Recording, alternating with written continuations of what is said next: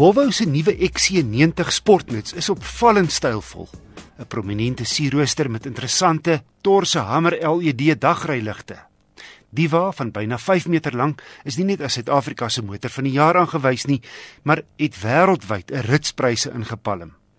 Ek en my gesin is met die D4, dis die goedkoopste dieselmodel in die reeks, vir lang naweek van Johannesburg na 'n plaas daar in die Suidoos-Vrystaat. So ek het ook kans gekry om hom op die grondpad uit te toets. Net voor die aandrywing, maar hy hanteer die grondpad goed, want die ehm um, traksiebeheer skop baie effektief in. Daar sê daar kom die noodflikkerligte na 'n doodtrap, 'n doodremtrap.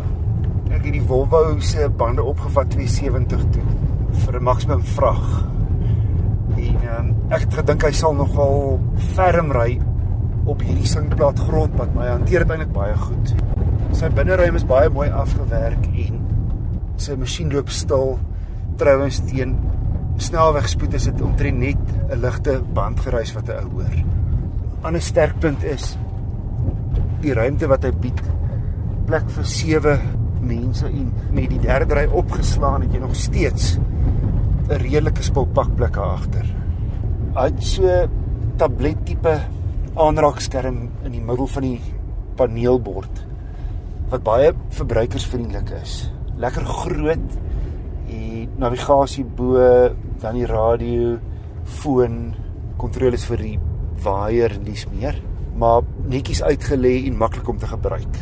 Hierdie toetsmodel het met die Insignia afwerking uitgekom wat 'n baie netjiese aluminium afwerking vir jou reg deur die kajuit gee so amper so gevlegte fyn gevlegte aluminium afwerking aan die kante en in die voorpaneel en in die konsole tussen die twee voorste insittendes.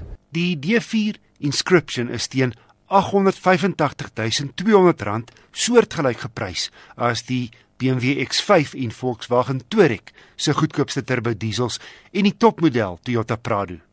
Terloops, Jy mag ook wonder hoekom ek nie in dieselfde asem die Audi Q7 en die Land Rover Discovery, Mercedes GLE en Jeep Grand Cherokee as logiese teenstanders noem nie. Wel, glo dit of nie, maar die vier se goedkoopste turbo diesels kos nou al tussen 930 en 960 000 rand. So terug na die X5 en Touareg as direkte mededingers. Die Volvo spog met meer ruimte en meer standaard toerusting en 'n omvattende reeks veiligheidskenmerke. Die Duitsers kom egter standaard met vierwielaandrywing en bied 'n hele ent meer krag.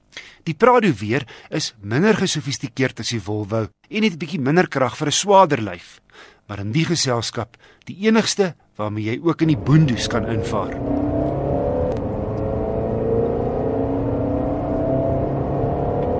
Ek het nooit gevoel dat die Volvo se 140 kW 2 liter te min krag lewer nie.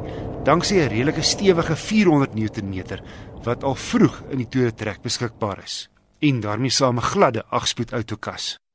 Om op te som, die Volvo XC90 het my rondom baie beïndruk. Aantreklik en gespierd buite. In die kajuit, tipiese Sweedse minimalisme, maar stylvol en pyk afgewerk met die instrumente volledig digitaal en kommunikasie deur middel van 'n groot, baie verbruikersvriendelike tablettipe sentrale skerm. Verder, hoop ruimte, 'n heerlike rit op alle oppervlaktes en goed toegerus. Ek vanoggend iemand gaan aflaai toe die son net opgekom het en ek wou net wegtrek by 'n stopstraat om 'n pad te kruis toe daar tussen hierdie lang skadu wees 'n swart motorfietsie aangery kom sonder enige hooflig en ek het net betyds gestop. Toevallig die tweede motorfiets wat ek sonder 'n brandende lig vanoggend opgemerk het. Nou weet ek nie of die ryers vergeet om hulle ligte aan te skakel nie en of die gloeilampe van 'n sekere land daar die ooste net eenvoudig nie lank hou nie of wat. My wenk van die week is eerstens aan motoriste, wees op die uitkyk vir motorfietsse wat nie duidelik sigbaar is nie. En 'n motorfietsryers, maak altyd seker dat jou hooflig in 'n werkende toestand is.